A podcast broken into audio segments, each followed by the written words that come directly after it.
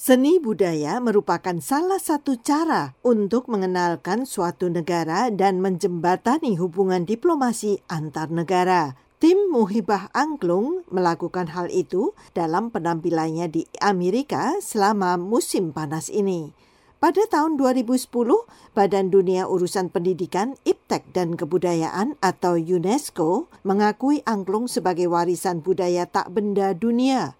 Dengan menyandang status itu, 36 remaja usia 15 hingga 23 tahun yang bergabung dalam tim Muhibah Angklung tampil di mancanegara. Kali ini mereka melawat ke berbagai negara bagian Amerika guna mengikuti beberapa festival seni, seperti dijelaskan oleh direktur dan produser tim Muhibah Angklung Maulana Syuhada kepada VOA. Kita lihat ada dua festival ternama nih di uh, Burley di Idaho namanya Magic Valley Folk Festival dan juga di Springfield Utah namanya World Folk Fest. Nah kita apply dan memang katanya uh, cukup ketat gitu uh, untuk bisa masuk ke sana. Kata direktur internasionalnya sih dari 84 tim yang mendaftar ke World Folk Fest itu uh, cuman 10 yang diterima dan uh, salah satunya adalah tim Bangkung dari Indonesia dan itu satu-satunya dari Asia. Sebetulnya tujuan utama kita itu adalah menghadiri kedua festival tersebut.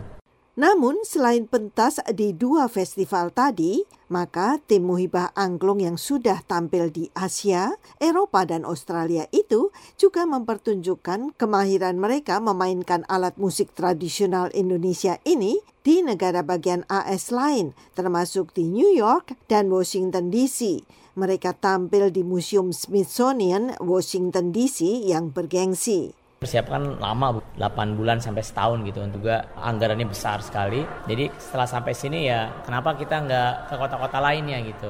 Nah kemudian KBRI mencoba untuk menawarkannya ke Smithsonian.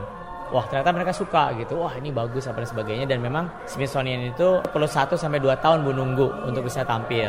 Dan satu bulan hanya ada boleh satu negara Angklung yang belum banyak dikenal secara umum oleh warga Amerika, kini bisa dipentaskan di Amerika. Duta Besar RI untuk Amerika, Rosan Ruslani, menyambut baik kehadiran tim Muhibah Angklung ini kita merasa sangat senang dan bangga juga ya karena mereka bisa tampil di, di Smithsonian, di New York mereka tampil di Times Square, kemudian nanti di Chicago juga di salah satu museum dan juga mengikuti festival di Idaho dan juga di Utah. Dan ini inline dengan program kita mengenai angklung ya, Ghost to America, angklung uh, Ghost to School. Jadi ini tentunya membuat kita bisa lebih mensosialisasikan, memperkenalkan budaya angklung ini ke masyarakat Amerika secara lebih luas lagi.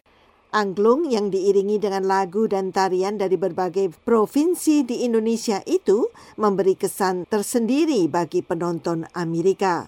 Alejandra Obando asal Costa Rica yang tinggal di Maryland dan suka menonton acara yang diadakan oleh KBRI mengatakan kepada VOA. I mean, the first time I see something like that, And I was amazed how they perform Janis. Ini pertama kalinya saya menonton pertunjukan seperti ini dan saya kagum dengan penampilan mereka. Menari, menyanyi, dan alat musiknya benar-benar mempesona.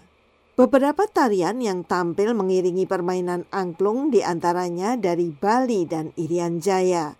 Seorang penonton dari Rochester, New York, Patrick Wells, yang pernah berkunjung dua kali ke Indonesia mengatakan, Oh, it's lovely. The music was uh, very delightful. The costumes so colorful and bright. Sangat menyenangkan. Kostum-kostum yang dikenakan berwarna-warna cerah. Pertunjukan yang menyenangkan. Benar-benar bagus, ujarnya.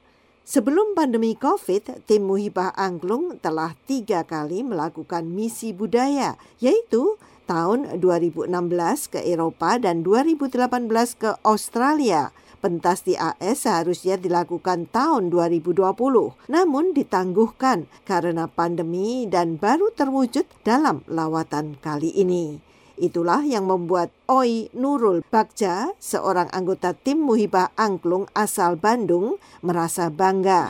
Ini yang pertama kalinya saya datang ke Amerika juga bawa budaya gitu ya dan jadi sebuah kebanggaan tersendiri. Jadi kalau misalnya tampilnya di sini tuh bener-bener bangga banget sih dan senang banget bisa tampil dan ikut festival dan tampil di mana-mana sama teman-teman. Dulu tim ini pernah sempat ke Eropa juga, pernah ke Australia. Kita ikut beberapa festival waktu itu, hampir empat festival di empat negara yang berbeda.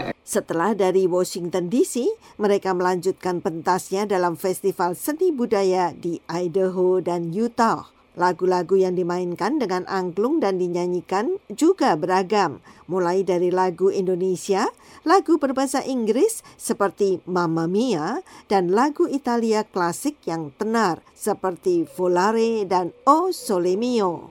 Selain menampilkan angklung, festival musim panas di Washington DC ini juga memberi kesempatan bagi warga AS untuk mencicipi makanan Indonesia melalui penjualan makanan khas seperti sate, siomay, dan nasi kuning.